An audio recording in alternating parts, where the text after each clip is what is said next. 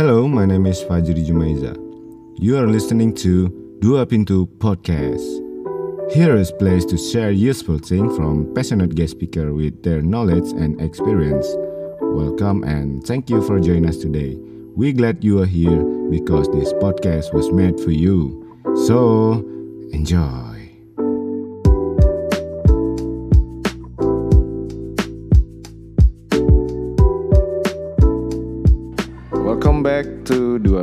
Podcast Bersama saya Fajri.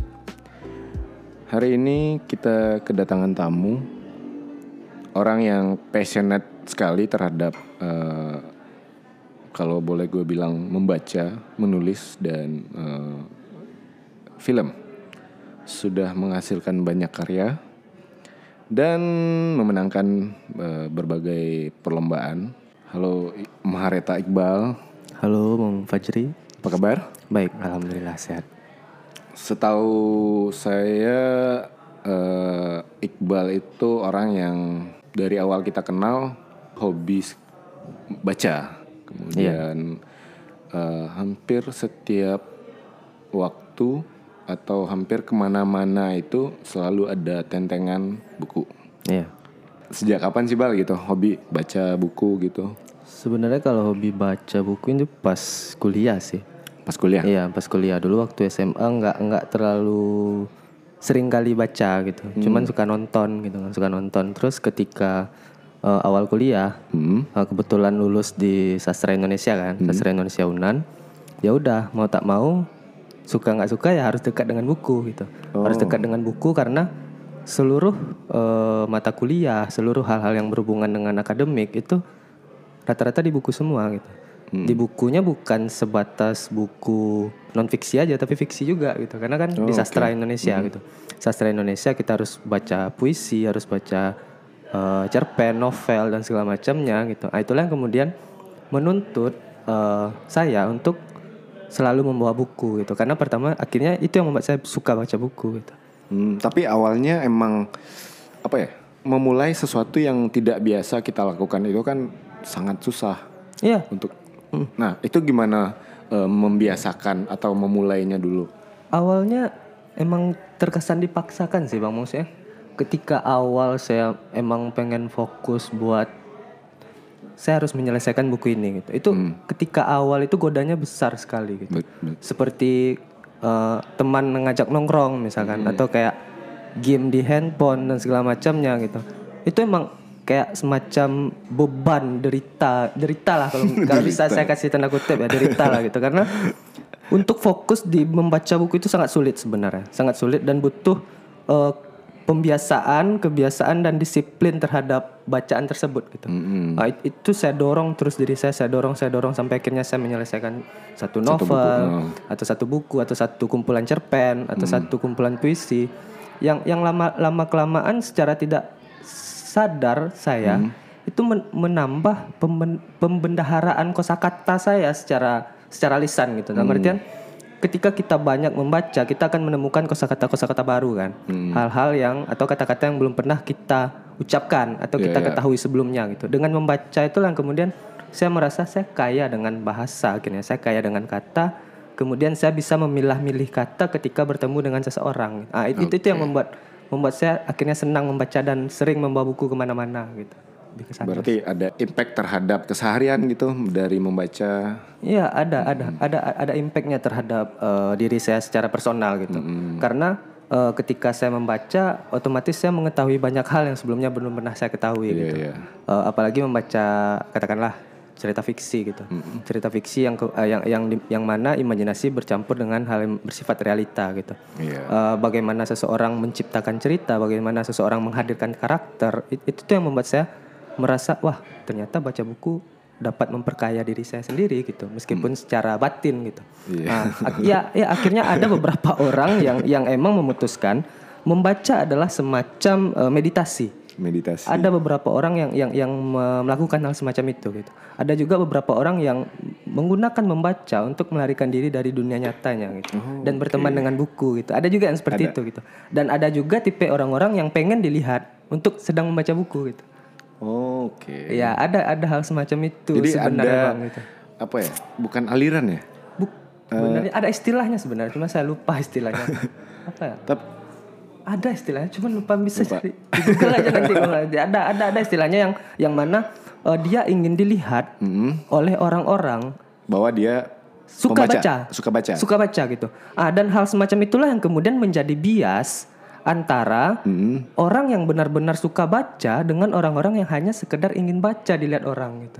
Oke. Jadi- Jadinya jadinya orang yang suka baca itu akhirnya terlihat sema- seperti hal hal yang tadi gitu. Mm, Eh, dia emang suka baca, tapi karena orang sering melihat seseorang membawa bacaan yang berat ke kafe, entah itu ke kedai kopi, sehingga dia akan menjadi bias terhadap orang demikian. Ah, Itu yang tidak sehat menurut saya. Oh, jadi ada tipikal-tipikal pembaca yang bias tadi ya gitu. Iya, iya. Ada istilahnya lupa bang, nanti searching aja. Berarti cukup sulit ya untuk memulai membiasakan untuk membaca dan mungkin bagi semua orang sebagian besar juga mengalami hal yang sama gitu. Saya sendiri juga gitu. Membiasakan membaca satu halaman aja per hari itu cukup sulit sampai bisa men- menyelesaikan sat- sebuah buku gitu. Iya, iya. Tapi ketika menyelesaikan sebuah buku ada perasaan apa ya? Perasaan Perasaan senang, kah? atau pertanyaan kah? pertanyaan dan sesuatu yang mungkin terjawab gitu Iya, ya. heeh. Nah, untuk buku nih, Bang. Apa nih buku yang menurut lo yang sangat berpengaruh ke kehidupan lo sekarang gitu? Satu buku boleh atau beberapa buku? Bisa mungkin bisa jadi rekomendasi buat teman-teman yang dengar podcast ini gitu. Suatu buku yang merubah perspektif ya, merubah pandangan atau hidup gitu ya. Heeh.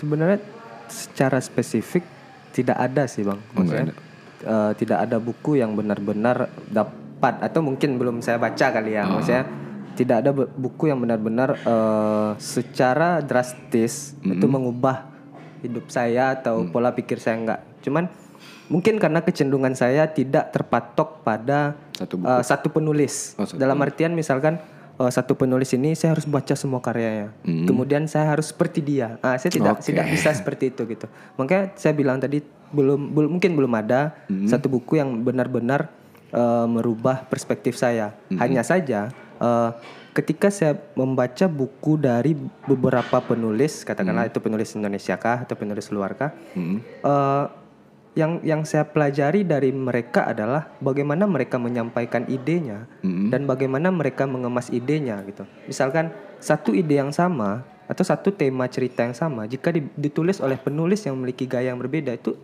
hasilnya juga akan berbeda gitu. Cara Oke. penyampaiannya ke pembaca juga akan, akan berbeda. Ah, saya mencoba menilai dari hal semacam itu kalau membaca buku gitu. Di luar dari saya memahami bukunya tentang apa gitu. Kayak lebih ke sana sih sebenarnya. Kebanyakan nih, Bang. eh, Iya. ban- bacaannya banyak fiksi atau non fiksi? Fiksi sih. Fiksi. Iya fiksi, fiksi ya kayak fiksi yang ada latar cerita sejarah atau mungkin kayak uh, science fiction atau hal-hal yang bersifat kriminal gitu lebih suka ke sana gitu seperti kayak kayak cerita-cerita detektif lah gitu kan. Ya karena dari dulu saya suka detektif Conan gitu. Oh, detektif Conan gitu. Dari kecil emang suka nonton detektif Conan dan emang suka baca hal-hal kayak gitu karena saya belajar menulis juga kan belajar menulis dan belajar bagaimana si penulis menghadirkan alur cerita yang seperti dibolak-balik kah atau kayak plot twistnya ada kah di bagian akhirnya atau gimana segala macam. Ah, itu yang saya coba pelajari bagaimana cara mereka menulis lebih ke sana sih. Hmm, iya iya. Termasuk proses sih bang untuk proses personal saya Iya iya. Makna membaca menurut eh, Iqbal apa nih? makna membaca bagi saya sebenarnya membaca itu uh, abang pasti pernah melihat saya membaca di keramaian gitu kan Iya, Nah, pernah. apa- apalagi di dua pintu kan pasti Iya, pernah gitu Uh, jika kita hilang bi- hilangkan tadi bias yang tadi dalam artian uh, ada orang yang serius membaca yang Hmm. hanya pengen di, serius tidak membaca itu uh, Apa tadi istilahnya? Kopi apa? kalau Eh, maksudnya? book snob, ah, book book snob snob. kalau nggak Ah, salah ya, oh, iya, book iya, snob iya. kalau nggak salah, book snob istilahnya kalau nggak salah.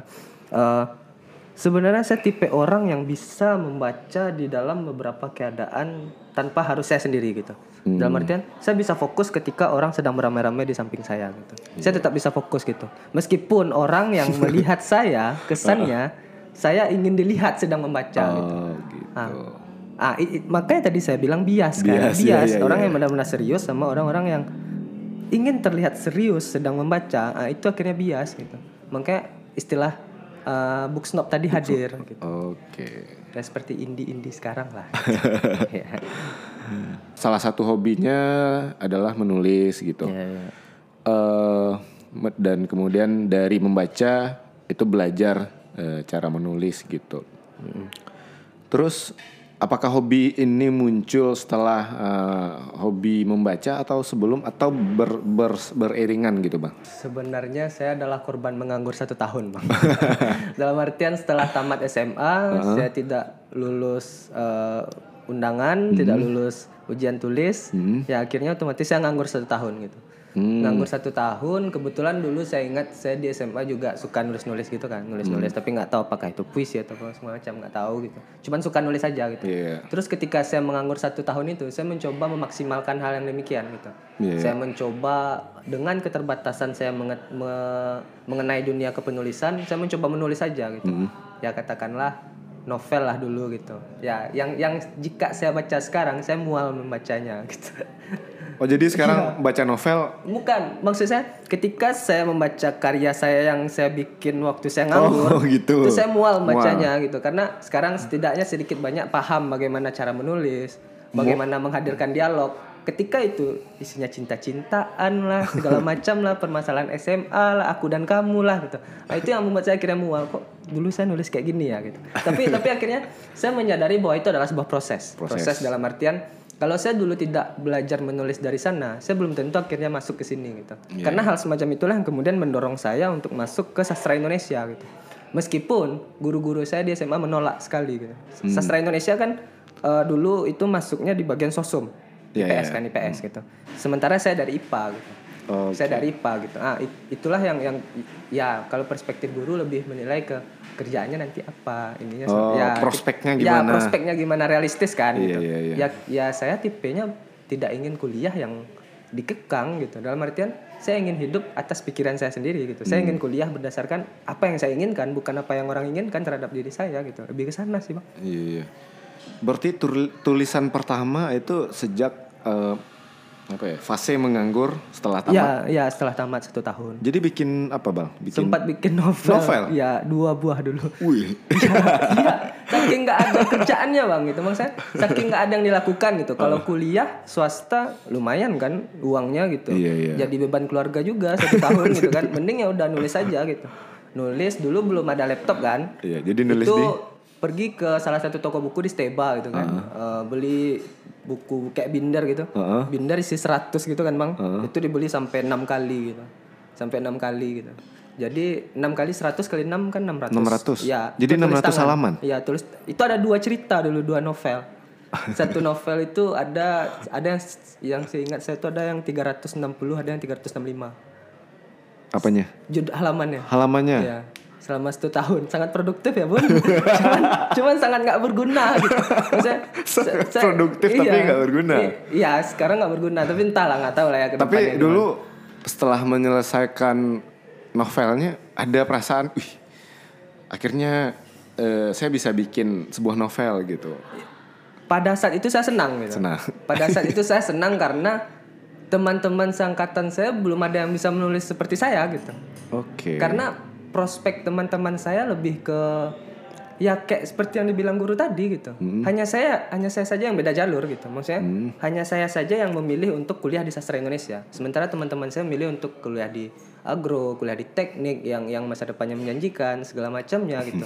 ya bagi saya itu kan jalan masing-masing. jalan masing-masing. Ya, kenapa saya harus memilih jalan orang ketika saya memutuskan harus memilih jalan sendiri gitu. Dalam artian ketika mereka ramai-ramai berbondong ke satu jalan sementara mereka tidak tahu mereka harus ngapain di sana, kenapa saya harus ikut ke sana gitu. Mendingan saya jalan sendiri, tapi saya tahu tujuan saya Tujuannya apa. jelas, ah, ya. makanya saya saya memilih hal semacam itu gitu. Iya, iya. Meskipun ya katakanlah pembicaraan saya sering tidak masuk masuk dalam artian di antara teman-teman SMA saya gitu. Ya saya yang kuliah di sastra Indonesia hanya sering men- menjadi pendengar yang baik terhadap proyek-proyek mereka gitu. Iya, serius. Proyek-proyek mereka dalam artian proyek bendungan, proyek ini segala macam gitu. Tapi ketika saya membicarakan hal yang berhubungan dengan wacana sekarang, isu politik, hal-hal yang bersifat budaya, kesenian dan segala macamnya, nggak bakal sampai ke mereka gitu. Ya, mereka akan ya akan terdiam gitu. Iya. Mungkin nggak tahu mau Iya. nanya apa gitu. Ya, meskipun saya mencoba untuk memahami apa yang mereka bicarakan gitu. Hmm. Karena di sastra saya belajar banyak hal jadinya, Bang. Maksudnya kayak gini. Ketika saya di sastra, saya Hmm. merasa bahwa pemikiran saya menjadi luas dalam artian saya juga belajar psikologi. Saya Iya. suka psikologi gitu. Saya juga belajar sosiologi, Hmm. juga belajar tentang hal-hal yang bersifat kedokteran segala macamnya untuk kebutuhan tulisan. Iya, Otomatis saya harus riset dong. Jika saya pengen nulis tentang seseorang yang bekerja untuk membuat jembatan, saya harus riset juga jembatan gitu. Maksudnya kayak bahan bahan bakunya apa, eh, besinya besi yang kayak gimana, pasak bumi atau segala macamnya atau apalah istilahnya gitu. Atau emang benar pakai kepala manusia ceritanya dulu kan sejarahnya gitu. Iya iya. Ya harus seperti itu gitu.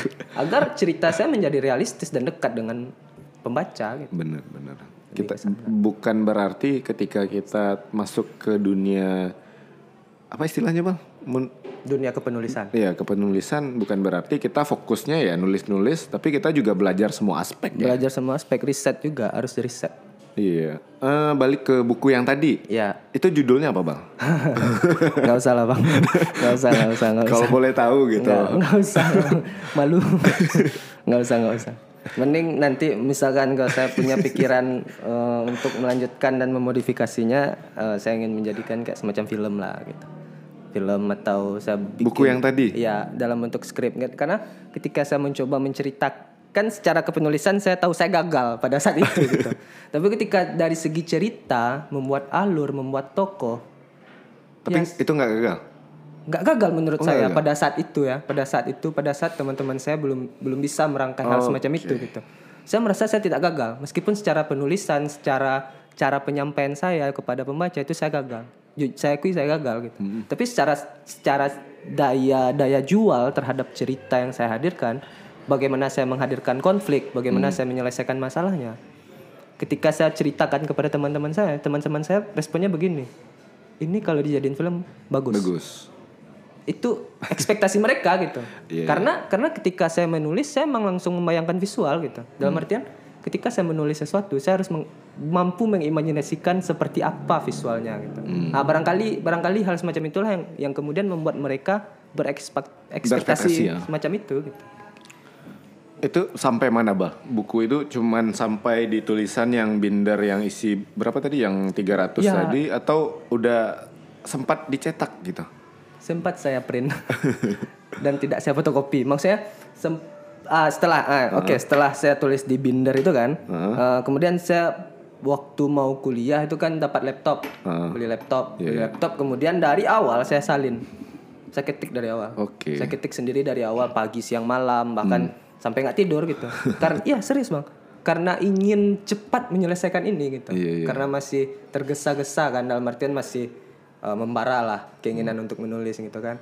Ya setelah saya selesai, saya baca ulang dari awal sampai akhir itu mungkin lebih sebulanan satu draft itu. Akhirnya saya print sendiri gitu. saya print sendiri untuk arsip saya gitu. Dan sekarang masih ada di rumah. Masih ada. Ya masih ada di rumah. Berarti sempat dicetak sendiri ya? Cet- sempat dicetak sendiri untuk bacaan sendiri aja gitu. Dan dan saya masukkan ke apa? Google Drive Google Drive. agar saya punya arsip buat saya sendiri. Hmm. Karena arsip penting. Terus m- titik merasa, aduh kok dulu kayak gini ya gitu. Itu kapan bang? Pas kuliah. Pas kuliah. Ya, waktu kuliah. Waktu kuliah, waktu saya eh, sedikit banyaknya belajar bagaimana proses kreatif gitu. Hmm. Berarti dulu pas nulis itu nggak ada referensi cara nulis yang benar itu gini atau eh, apa ya? Pokoknya referensi tentang eh, cara menulis sebuah eh, novel gitu atau karya lah gitu. Dulu referensi saya cuman apa bang? Cuman karena saya bikin settingnya di luar negeri kan, ada di Indonesia ada di luar negeri gitu kan.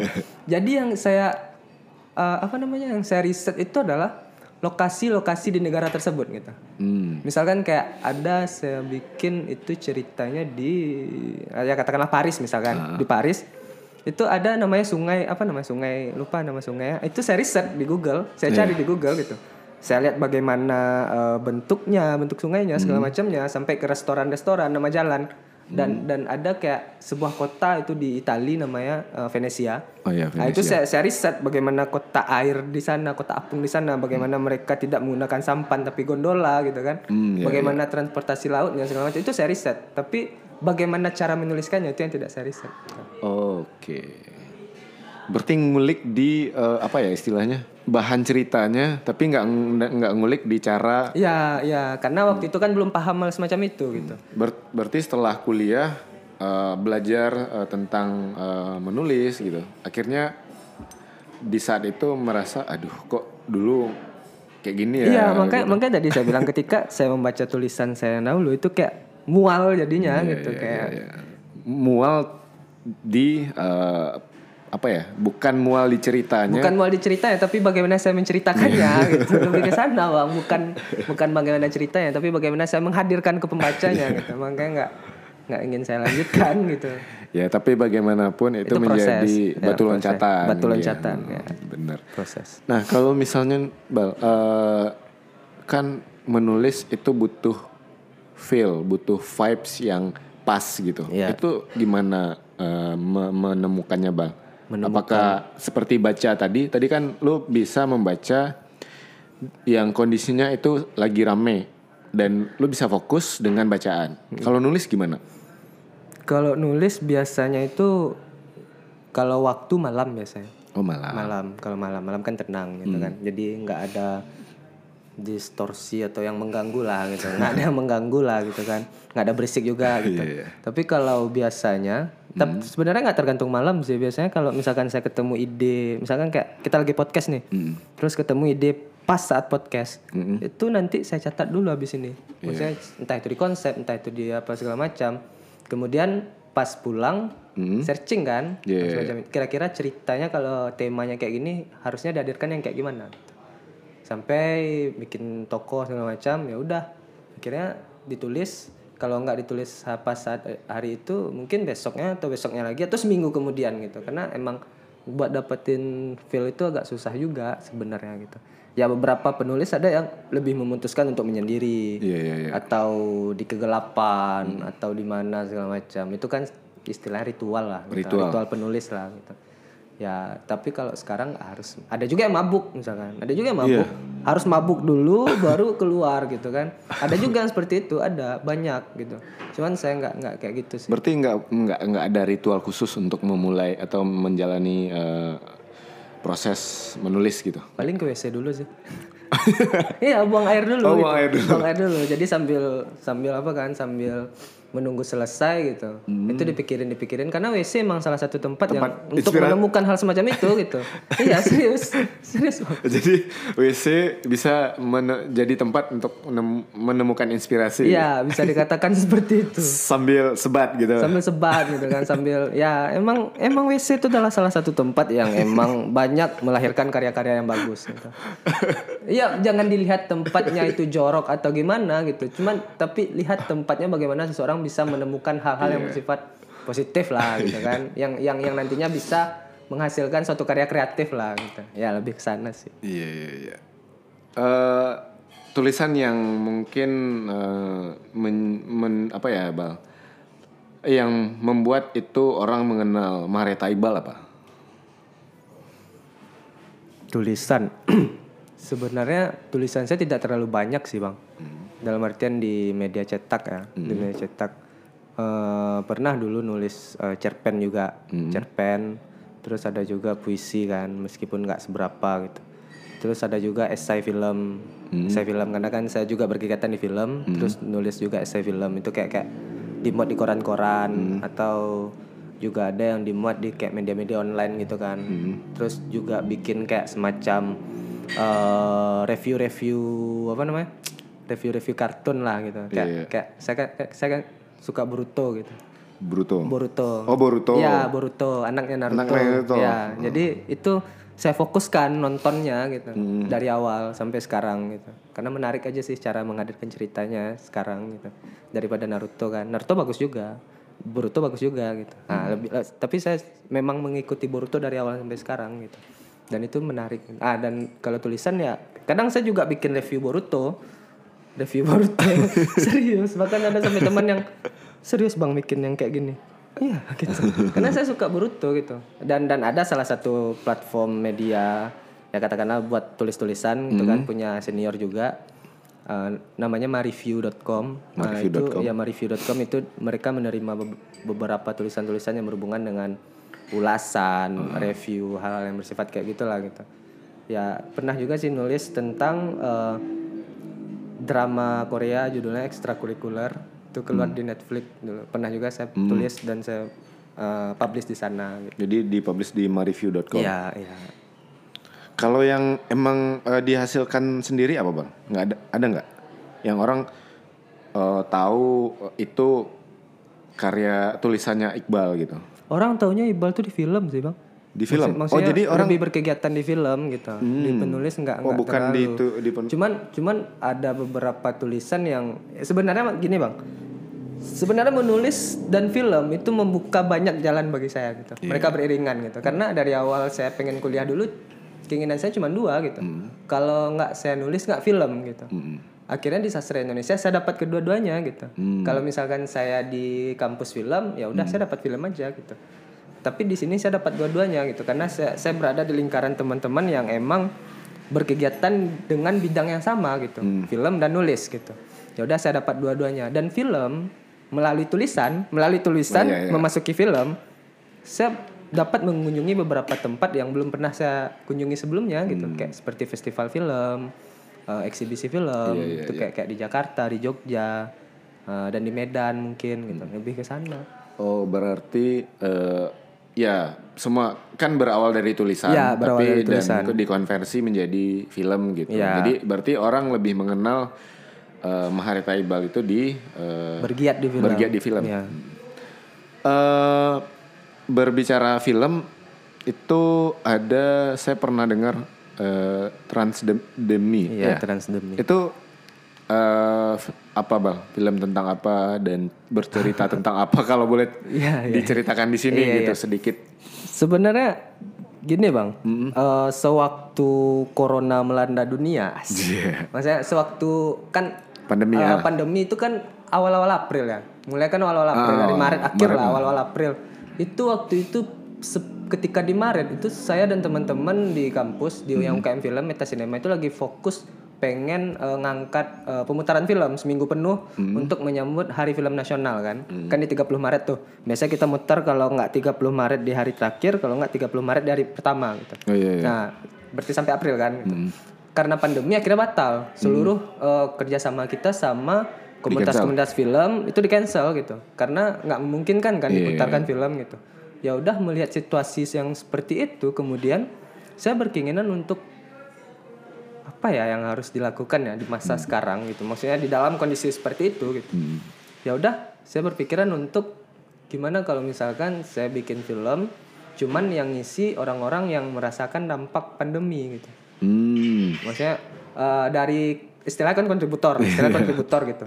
Eh, makanya saya saya minta melalui Instagram pada waktu itu. gitu. Saya minta melalui Instagram pada waktu itu dan saya membebaskan apakah mereka bakal mengirim videonya dalam format landscape atau portrait. Itu saya nggak nggak saya eh, khususkan gitu. Emang saya bebaskan karena menurut saya setiap orang pasti memiliki eh, kenyamanan masing-masing kan.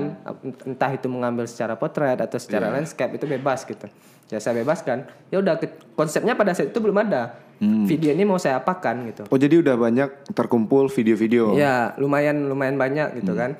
Ada juga yang ngirim lewat WhatsApp ada juga yang ngirim lewat email karena ukurannya yang besar, Besar, gitu ah. kan dan dan ada juga yang emang saya katakanlah saya pesan saya khusus gitu ke teman-teman saya yang berada tidak di Indonesia gitu seperti kayak di Malaysia kayak di Jepang kayak di Arab gitu kan saya pengen lihat iya iya bang serius Sampai ke Arab. Iya sampai ke Arab meskipun videonya cuma kucing gitu. Oh iya. Iya meskipun videonya cuma kucing gitu. Maksudnya kucing di jalanan-jalanan Arab yang dikasih makan gitu kan kucing jalanan gitu. Tapi mereka merasakan dampaknya juga gitu. Suasana jalan kosong segala macamnya gitu. Dan di Jepang juga terjadi hal yang sama gitu kan.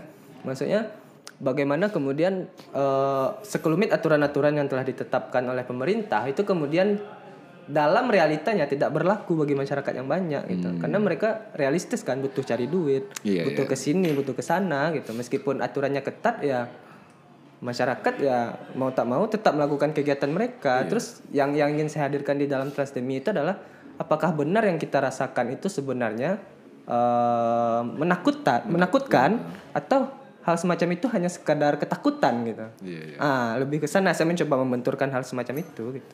Berarti eh, Proyek kolektif lah Bang itu. iya iya. Proyek kolektif lah. Iya. Iya juga sih. Membed- apa ya mungkin perspektif eh, menakutkan dan apa tadi?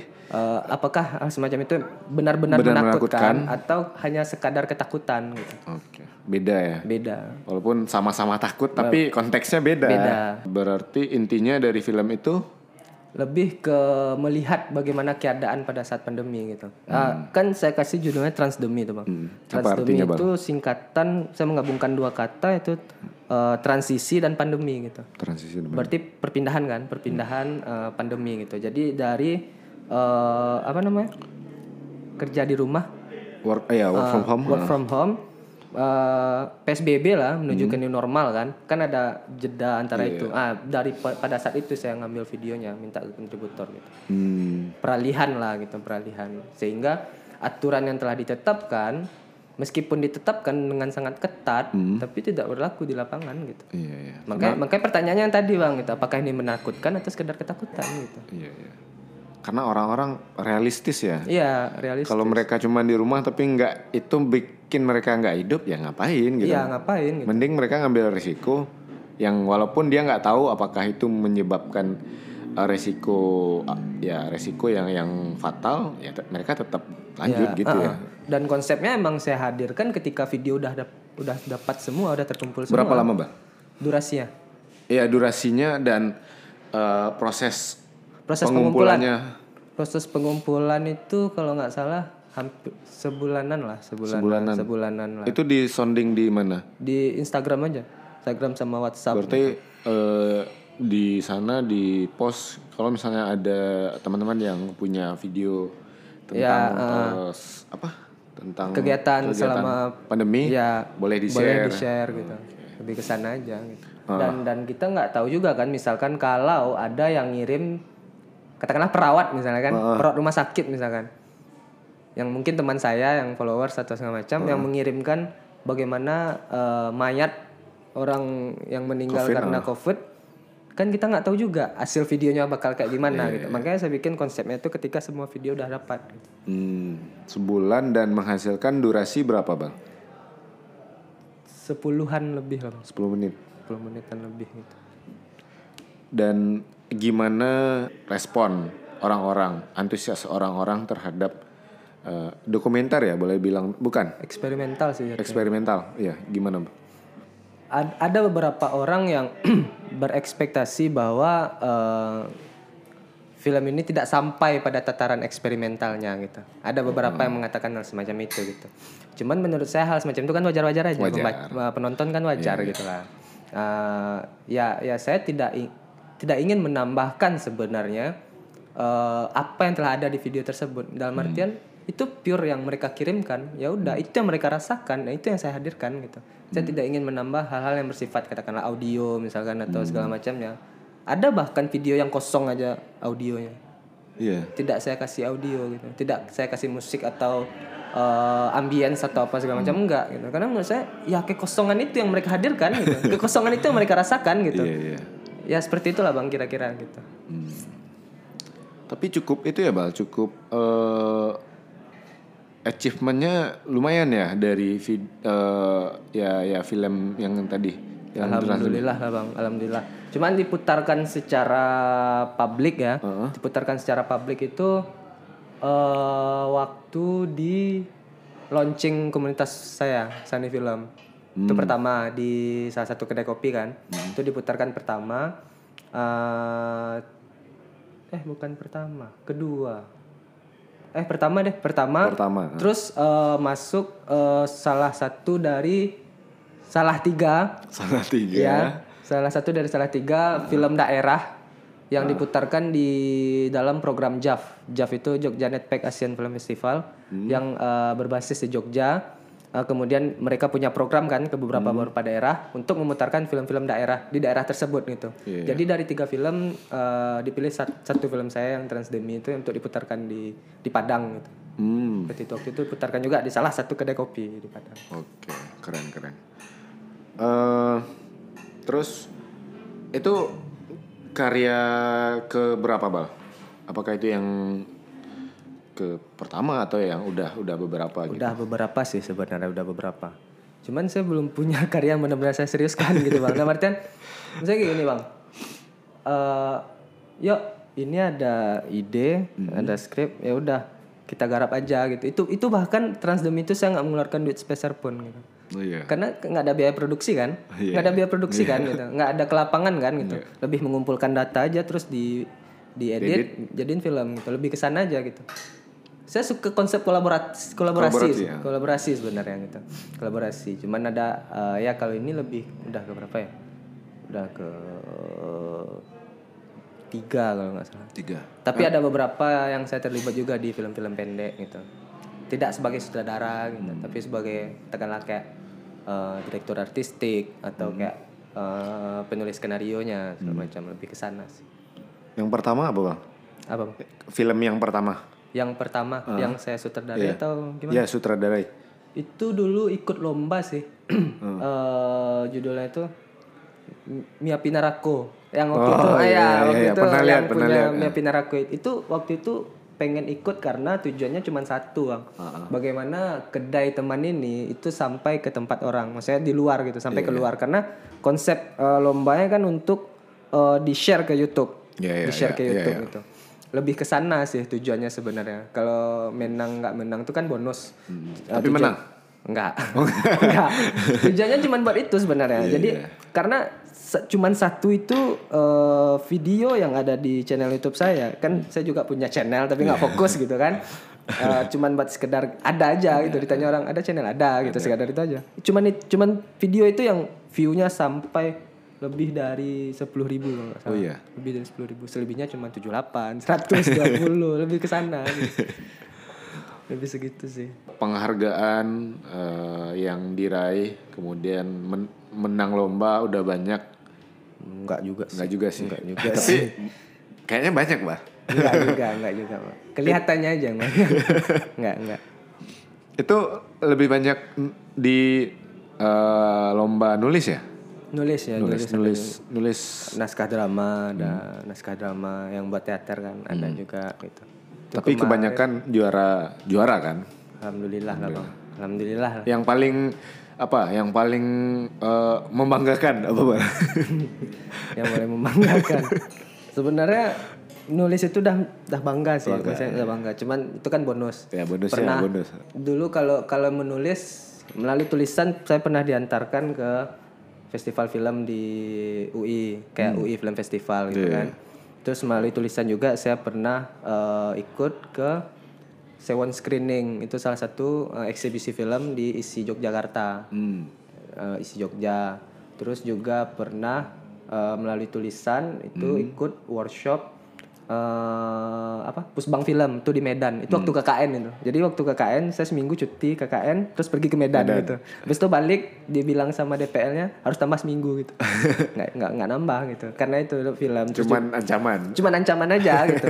Terus eh, melalui tulisan juga ikut eh, kayak salah satu eh, program akademi itu kan akademi arkipel namanya. Itu dari di Jakarta Jakarta itu yang mengadakan forum lenteng arkipel itu kan festival film cuman dia juga punya sub program namanya itu akademi arkipel gitu yang yang emang memfokuskan untuk sutradara dan penulis kritik film gitu lebih ke sana Berarti sudah menulis dengan menulis Pergi ke mana-mana. mengantarkan Ibal ke mana-mana. Ya, ya ya, yang 2000 berapa? ya?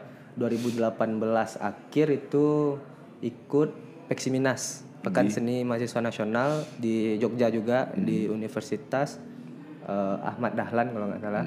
Itu kategori naskah drama gitu. Tapi Paling jauh ke mana bang? paling jauh Keluar Jogja Ah, sih. Jogja. Kalau keluar negeri belum? Insya Allah. Insya Allah. Ais. Amin. Amin, amin, amin. Belum sih. Itu sendiri kah eh, biaya sendiri atau di ada atau gimana atau di, di Eh, Bundo Kanduang Foundation. ya. oh Bundo Kandang Foundation. Berarti ya di ada dibiayai. Biaya Bundo Oh, Kanduang. sorry sorry. Udah Gak connect. Foundation atau kampus ada, kampus ada membiayai. Cuman ya ya sama tahu sama tahu aja lah gitu. Buat tiket pergi aja nggak sampai gitu kan. Apalagi mau pulang gitu. Bundokan dong. Foundation gitu.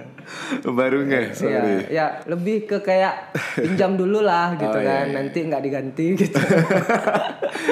Itulah sih. hebatnya Bundokan Doang Foundation. Bundokan dong foundation gitu. Kalau misalnya nih bang, eh, diberi kesempatan untuk menggarap sebuah film besar gitu, ya amin. Eh, itu kalau boleh tahu film tentang apa bang? Misalnya ada eh, dikasih semua apa ya eh, faktor pendukung untuk membuat Iya, sebuah iya. film, kira-kira apa bang? film yang berhubungan dengan hal yang bersifat psikologi sih Psikologi. ya kayak kayak eh, ya karena kecenderungan saya pengen suka belajar psikologi tadi bang itu Eh, saya pengen ngangkat film kalau kalau diberi kesempatan ya kalau diberi kesempatan gitu saya ingin me- me- mencoba mengeksplor istilah psikologi itu namanya maladaptive daydreaming. Maladaptive daydreaming itu singkatannya MD MD beda beda sama skizofrenia. MD itu lebih ke eh, seseorang yang eh, memiliki dunia rekaan gitu. Dunia rekaan di dalam imajinasinya dalam pikirannya yang yang bahkan orang biasa nggak bisa melakukan hal semacam itu gitu faktor yang yang mempengaruhi hal semacam itu biasanya lebih kepada bentuk trauma sejak kecil kekerasan perceraian keluarga dan segala macamnya gitu. Dan dan orang-orang yang dengan MD tadi dia yang saya baca dan saya lihat itu eh, sering sendiri gitu, sering melamun, sering memikirkan hal-hal yang pokoknya dia dia dia seperti berjarak lah dengan dunia nyatanya gitu. Ya tempat pelariannya lah gitu. Bagaimana mengeksplor mengeksplorasi hal yang bersifat seperti itu. Nah, itu yang saya pengen kan. Lebih-lebih ke arah sana sih. Kan pendekatannya kan personal gitu. Iya. Mencari tokoh yang bisa mendalami hal semacam itu. Sampai saat ini udah eh, sedikit banyak eh, belajar dan riset tentang psikologi ya, Iya, istilahnya juga baru baru bang. Baru. Is- Istilah itu dipopulerkan oleh seorang psikolog, psikolog Israel kalau nggak salah namanya Iyo Somner ya. Sampai ke Israel ya, iya Israel, dia dia dia dia yang eh, pertama kali me- me- mengeluarkan istilah itu. mengeluarkan istilah semacam itu gitu. Kar- ya katakanlah anak kecil misalnya anak kecil kan bisa berimajinasi juga. Kita pernah melihat anak kecil yang ngomong sendiri segala macamnya gitu. Katakanlah dia punya teman nih gitu kan, tapi kita nggak lihat gitu. Tapi orang-orang dengan MD ini juga punya punya hal yang sama, tapi sifatnya lebih bersifat episode gitu. Mereka bisa melanjutkan yang misalkan terputus, mereka bisa melanjutkannya gitu. Itu per- pernah ditemui di Pernah, dulu pernah duduk di sini temannya dari Medan dulu. Ya, cewek. Pernah duduk di dua pintu dulu. Soalnya dia dia waktu itu eh pengen kayak traveling gitu kan, traveling dari satu kota ke satu kota yang lain. Yang waktu bilang ke Bang Fajri dulu yang bi- pengen bikin eh, profile company. Oh iya, iya, ah, iya. dia Oh, iya, dia. Iya, yang itu. Jadi dia punya Tahunya setelah ngobrol gitu. Maksudnya gini, tahunya setelah ngobrol, Bang. Setelah ngobrol sama dia di dua pintu, pas ngobrol itu dia bilang kalau saya juga kayak gitu katanya. Dan temannya itu dokter. Temannya itu dokter gitu. Dia bahkan bisa melamun berjam-jam bahkan nggak makan gitu. Bahkan tanpa makan. merasa lapar. tanpa merasa lapar. Dan dia bisa tertawa sendiri menangis sendiri gitu. Buk, moodnya tuh nggak ya kayak mood swing gitu lah. Swing mood, swing. mood swing gitu lah. Mood swing cerah lah. Nah, pokoknya kayak gitulah gitu. Yang yang yang bahkan kayak kita orang biasa nggak mampu melakukan hal semacam itu gitu.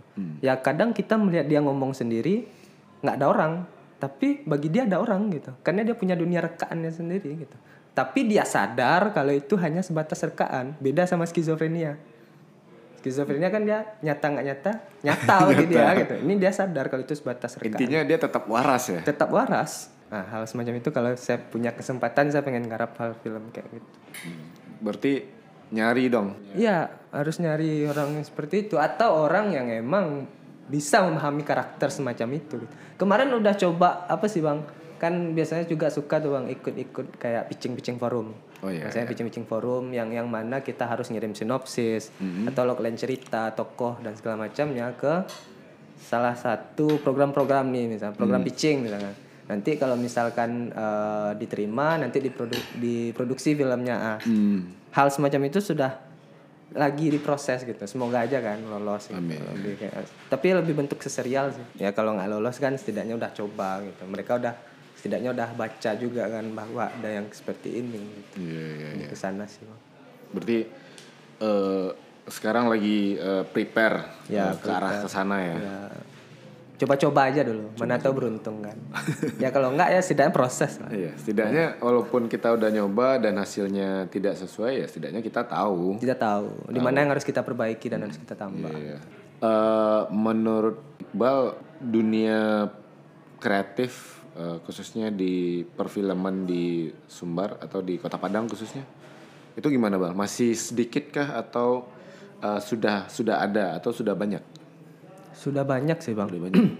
sudah banyak sih Eh, yang bikin film di Padang sudah banyak cuman permasalahannya adalah filmnya mau diputarkan di mana gitu Oke. itu pertanyaannya karena kalau film pendek katakanlah film-film fiksi pendek gitu kan ya ruang pemutarannya ya ruang-ruang alternatif kayak kayak pemutaran-pemutaran di komunitas atau enggak di festival gitu. Karena nggak mungkin masuk bioskop kan gitu. Iya, karena ranahnya bukan ke sana gitu.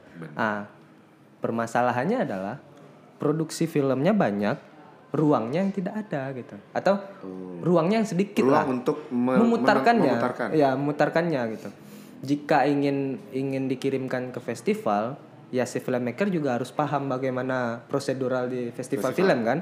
Bagaimana me- ribet enggak sih bang? Cuman banyak gitu. Banyak prosedur. banyak prosedur. Kayak uh, format filmnya harus segini ukurannya harus segini rasionya harus segini harus ada posternya harus ada ininya segala macam. Emang emang karena untuk kebutuhan publikasi kan? Emang wajar gitu. Dan si filmmaker harus paham juga hal semacam itu gitu. Mak- makanya uh, dulu saya dan teman-teman itu suka berkunjung ke festival-festival orang. Ya kita kan dulu belum bikin film nih.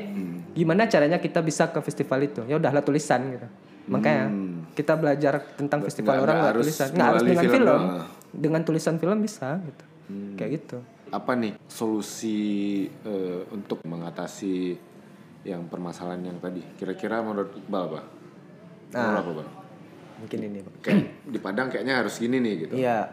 Ke- kebetulan kan eh, saya dan teman-teman lagi bikin komunitas film baru di Padang. Di Apa luar di luar dari kampus lah. Kalau di kampus kan nggak ber- bisa berkaitan lagi kan. Udah 47 tahun kuliah di kampus gitu kan. Eh, nama itu Sunny Film Oh Sani film. Sunny Film Kalau yang di kampus namanya apa? Meta Cinema. Metacinema. Meta Cinema. Itu fokus di kampus kan UKM kan. Kalau ini emang komunitas film gitu. Sunny Film yang yang pengen kita fokuskan di bagian apresiasi dan distribusi film. Jadi eh, Sunny Film ini kasarnya kerjaannya adalah mencarikan film untuk ruang pemutaran Hmm. atau membuat ruang pemutaran itu sendiri gitu. Yang yang yang seperti contoh waktu kita mengadakan launching kan, Sunny memperkenalkan diri itu emang kita putarkan film-film dari teman-teman di komunitas Sumatera Barat gitu. Baik itu komunitas atau institusi film kayak isi penang panjang kan. Yang yang di Sumatera Barat itu kita putarkan. Atau yang teman-teman yang emang asalnya Sumatera Barat, cuman dia kuliah di Jawa seperti kayak di KJ, di isi Jogja segala macamnya itu saya kontak untuk memutarkan filmnya ke Padang. Dan mereka senang gitu. Mereka senang gitu. Bahkan ada yang filmnya itu mau kontrak dengan salah satu platform digital eh, pemutaran film kayak Oh iya. GoClick kalau nggak salah Hmm. GoClick udah udah mau kontrak Itu karya anak IKJ, Anak IKJ. teman IKJ asalnya Sumatera Tapi Barat asal Sumatera Barat. ya Bukit Tinggi tapi karena pemutaran ini karena dia kenal saya saya kenal dia ya udah putarkan katanya Hmm. se, se segampang itu kalau kita punya relasi sebenarnya bang tapi kalau kita nggak punya relasi kan agak susah juga eh, prosedurnya gimana karena ruang apresiasi memutarkan film itu nggak sekedar memutarkan film aja gitu. Ada aturan ada etika dan segala macamnya gitu. Kita harus izin ke filmmakernya atau ke produsernya eh, izin eh, surat peminjaman alat proyektor segala macam bahkan sampai ke izin yang ruang ke punya orang punya teman segala macamnya gitu. Dan dan nggak hanya sekedar ada proyektor ada laptop ada film kita putar. Tidak sebatas itu aja. Banyak proses banyak sebelumnya. proses yang harus dilewat di, di- dilalui dan dan dan tidak segampang yang dilihat orang gitu. Berarti eh, akan menghadirkan ruang tersendiri nantinya. kalau Sani pengennya iya. Maksudnya kayak gini. Sani pengen Sani sebagai ruang apresiasi dan Sani sebagai bagian distribusi film. Ruang apresiasi maksudnya kayak gini bang Eh, Sani akan menjadi ruang ketika pemutaran itu atas nama Sani Hmm. Sani yang memutarkan film. Iya. Kemudian Sani yang menjadi distributor film itu ketika Sani bekerja sama dengan pihak lain, entah itu dengan komunitas, entah itu dengan ruang pemutaran yang lain yang dimiliki komunitas atau dengan institusi-institusi apa yang yang yang berkeinginan untuk memutarkan film, tetapi mereka tidak memiliki aksesnya, mereka bisa mengontak Sani gitu. Ah di sini- di sana peran distributor film yang yang ingin Sani hadirkan di Padang, mungkin untuk Sumatera Barat lah gitu, karena Iya. wilayah distribusi film belum ada di Sumatera Barat gitu. Bahkan tidak menutup kemungkinan jika ini terus berjalan, Sani bisa mengantarkan film-film yang kan produksi banyak tadi tuh bang, banyak produksi film, cuman ruangnya yang sedikit gitu. Tidak menutup kemungkinan nanti Sani akan memutarkan film-film teman-teman komunitas di Sumbar ke ruang pemutaran di luar Sumbar, entah itu di Jawa, entah itu di Makassar, entah itu di mana, karena itu peran kita gitu, peran kita itu gitu. Jadi misalkan abang nih, misalkan dua pintu pengen mutar film, cuman dua pintu tidak memiliki akses ke filmmakernya gitu, tapi pengen muterin film itu gitu, bisa kontak ke Sani gitu, bisa kontak ke Sani, nanti Sani yang akan mencarikan filmnya gitu. Jadi si si ruang pemutaran atau yang pengelolanya tidak harus langsung berhubungan dengan si filmmaker gitu. Iya. Itu peran distributor kan. Sebaliknya juga gitu ya. Sebaliknya juga gitu gitu. Jadi filmmakernya eh, bisa tenang aja, filmnya bisa diputarkan di mana-mana karena udah ada hak putarnya oleh Sani. Si ruang pemutaran juga tidak bakal pusing nyari film lagi. gitu. Ah, sebab itulah kemudian ketika produksinya banyak, ruang pemutarannya banyak dan ekosistemnya jalan gitu. Hmm, Oke, jadi Sani sebagai wadah ya, Ya, lebih tepatnya pengen di, di- jatuhnya pengen ke distributor film sih, Bang. kayak distributor film. Dan kita pengennya sekarang pemutaran-pemutaran film yang dihadirkan Sani atau yang berkolaborasi dengan Sani itu kita pengen tiketing. Oh tiketing. Ya, tiketing dalam artian eh, sudah saatnya loh kita saatnya, kita menonton dan menghargai karya teman-teman Karena kita sendiri. itu adalah bentuk apresiasi Ya, ya. bentuk apresiasi gitu. Selama ini kan kita nonton gratis aja gitu. Terus filmmakernya dapat apa gitu. Sementara filmmakernya bikin film, Iya. ngeluarin biaya gitu. Setidaknya ya kasarnya buat beli uang rokoknya lah gitu. Ah, Atau menjadi eh, apa ya eh, modal untuk produksi, produksi selanjutnya. Capeknya ke sana, Bang. Capeknya ke sana. Jadi ketika tiketing itu berjalan, ruang pemutarannya lancar, ya si filmmaker juga setidaknya mendapatkan sedikit banyak Suntikan. uh, suntikan dana untuk produksi selanjutnya. Kan ya apresiasi kita lah terhadap teman-teman. Karena cum kalau cuman standing applause dan cuman sampai situ ya si pembuat film nggak dapat apa-apa. hanya dapat masukan aja gitu. Bahkan dapat kritikan gitu Dapat kan. kritikan. dapat kritikan yang kadang mereka nggak mau bikin film lagi gitu. Ah, gimana caranya agar hal semacam ini juga mendapatkan income bagi mereka gitu. Iya, lebih ke sana sih pengennya. Jadi kan sehat juga lah gitu. Ya kita di bioskop nonton eh, bayar kok gitu. Iya. sekitar Mahal tiga mahal mahal lagi. Ya nyaman lah nyaman. Ada AC Dolby segala macamnya Iya. gitu kan. Ya di ruang pemutaran ya ya ya setidaknya Kita setengah menikmati. setengah su- setengah bungkus surya kecil lah gitu. atau setengah bungkus surya besar lah gitu. Iya kan? Ya sekitar itulah gitu. Kadang dapat kopi. Iya iya. iya kan? Maksudnya ya kapan lagi kita mengapresiasi karya-karya dari kota kita sendiri? Iya benar. lebih ke sana sih pengennya bang. Agar eh, kita juga sadar bahwa apresiasi itu mahal, di tempat kita gitu Karena menghasilkan sebuah karya itu butuh effort, butuh proses yang Iya. sangat panjang. sangat gitu. panjang bahkan mungkin bertahun-tahun kan Tahun-tahun. meskipun durasinya 5 menit atau 10 menit gitu. Ya tidak masalah kita mengapresiasi untuk ya me- mensupport eh, agar eh, orang itu terus berkarya gitu Iya, kan. lebih ke sana sih. Iya. Eh, setuju sih. Iya. Setuju, setuju sekali. Dan teman-teman yang lain juga mau mendukung gitu. Jadi ada ada salah satu abang-abang di kampus dulu kan yang yang sekarang buka perpustakaan, buka eh, toko buku dan buka kedai kopi juga di daerah Steba. Itu bahkan dia mendukung gitu. Dia mendukung gitu. Mendukung dalam artian eh, ya kemon lah gitu. Udah udah saatnya kita kayak seperti ini gitu. Udah udah nggak nggak main lah hal-hal yang perai-perai gitu, gratis-gratis iya. gitu gitu. Ya lebih kayak gitu sih. Terus kalau planning bal apa bal? planning. Eh, planning. Planning mungkin membesarkan Sani dulu lah. Membesarkan Jadi Sa- Sani.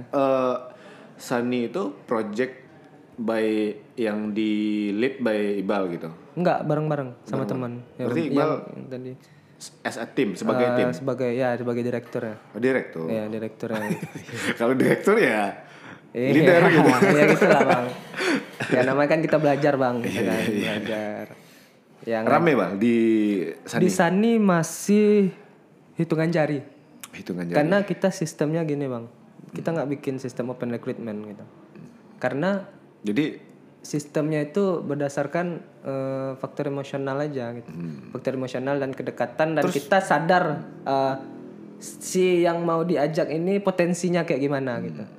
Karena hal semacam itu bakal lebih menggampangkan proses kita gitu. Kalau kalau open recruitment tiap tahun tiap tahun kita bakal sibuk dengan upgrading upgrading anggota gitu dan dan dan kita nggak akan berkarya gitu. Iya, kita kita Waktu berkarya kita sedikit jadinya gitu. kita sibuk mengulang uh, proses. Sibuk mengulang proses yang itu itu aja ke orang yang baru gitu. Yang kemudian tetap juga terjadi seleksi alam gitu kan. Yang dari 10 cuma tinggal satu gitu. Terus tahun depan kayak gitu lagi sementara karya kita nggak ada gitu. Makanya lebih ke misalkan saya kenal bang Fajri bang Fajri fokusnya di A A B segala macam.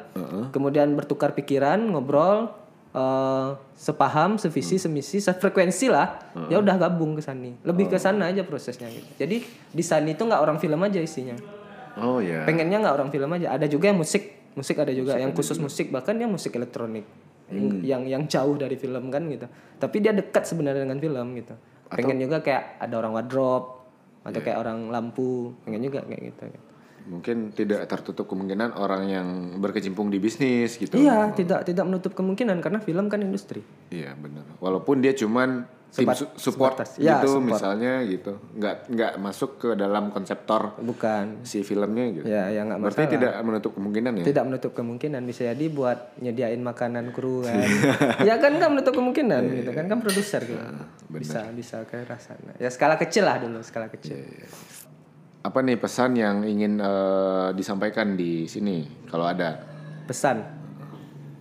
Apa ya? Mungkin lebih ke saninya sih bang maksudnya. Saninya, ya, boleh. ya melalui podcast ini sih ya maksudnya. Ya kan Sani kan juga baru satu tahun lah gitu. Kasarnya baru satu tahun Maret depan gitu satu tahun. Eh, yang kita memperkenalkannya tuh di akhir tahun kemarin gitu. Kan cukup panjang, dari kemarin karena karena pandemi kan gitu Eh, ya bagi teman-teman yang mendengarkan podcast dua pintu inilah eh, yang yang eh, memiliki ruang pemutaran ruang pemutaran alternatif atau punya komunitas film yang pengen memutarkan film-film komunitas yang lain tetapi tidak memiliki akses terhadap film tersebut mungkin bisa berhubungan dengan Sani gitu. Mungkin Kerjasama bisa, ya? kerjasama gitu. Sani ada ada istilahnya itu kolaborasi distribusi. Mungkin di bagian itu nanti. Kolaborasi. distribusi ya. Itu nama program yang yang dengan komunitas gitu. Yang Sani sebagai distributornya gitu. Lebih ke sana sih. Kalau pengen eh, muterin film. A- agar karena gini bang. Eh, ketakutannya nanti adalah ketika ruang pemutaran ini sudah menjadi pasar pasar dalam artian bisnis Komersil ya? komersil eh, akhirnya serampangan jadinya nanti. Ada kasus ini cerita teman saya ada kasus sebuah kasus kedai kopi kita nggak sebut nama. Itu ketika dia launching dia memutarkan film yang yang dihadirkan di salah satu OTT Netflix. Heeh. diputarkan film Netflix di sana gitu. Heeh, terus? Itu gimana gitu? Maksudnya secara secara izin ada nggak gitu? Secara eh, promosi oke lah gitu secara promosi itu terserah dia. Secara izin putar ada nggak gitu? Karena ketika dia memutarkan film orang datang otomatis orang bayar minum dia. Mm-mm. Dia beli minum. Beli dia dapat pendapatan di sana. Sementara yang punya film gimana?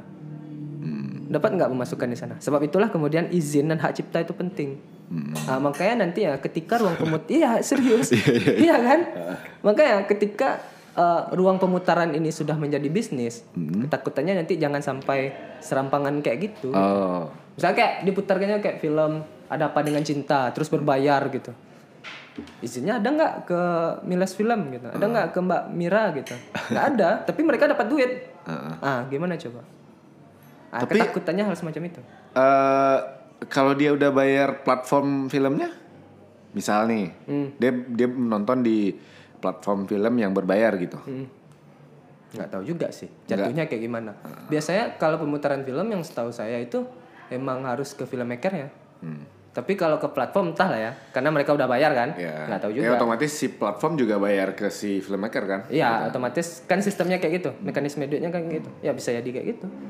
Tapi nggak tahu juga karena konsepnya kan ruang pemutaran. Iya. Nggak tahu juga sih bang. Pro kontra sih jadi kan Pro pro, kontra. kontra. gitu, pro kontra gitu.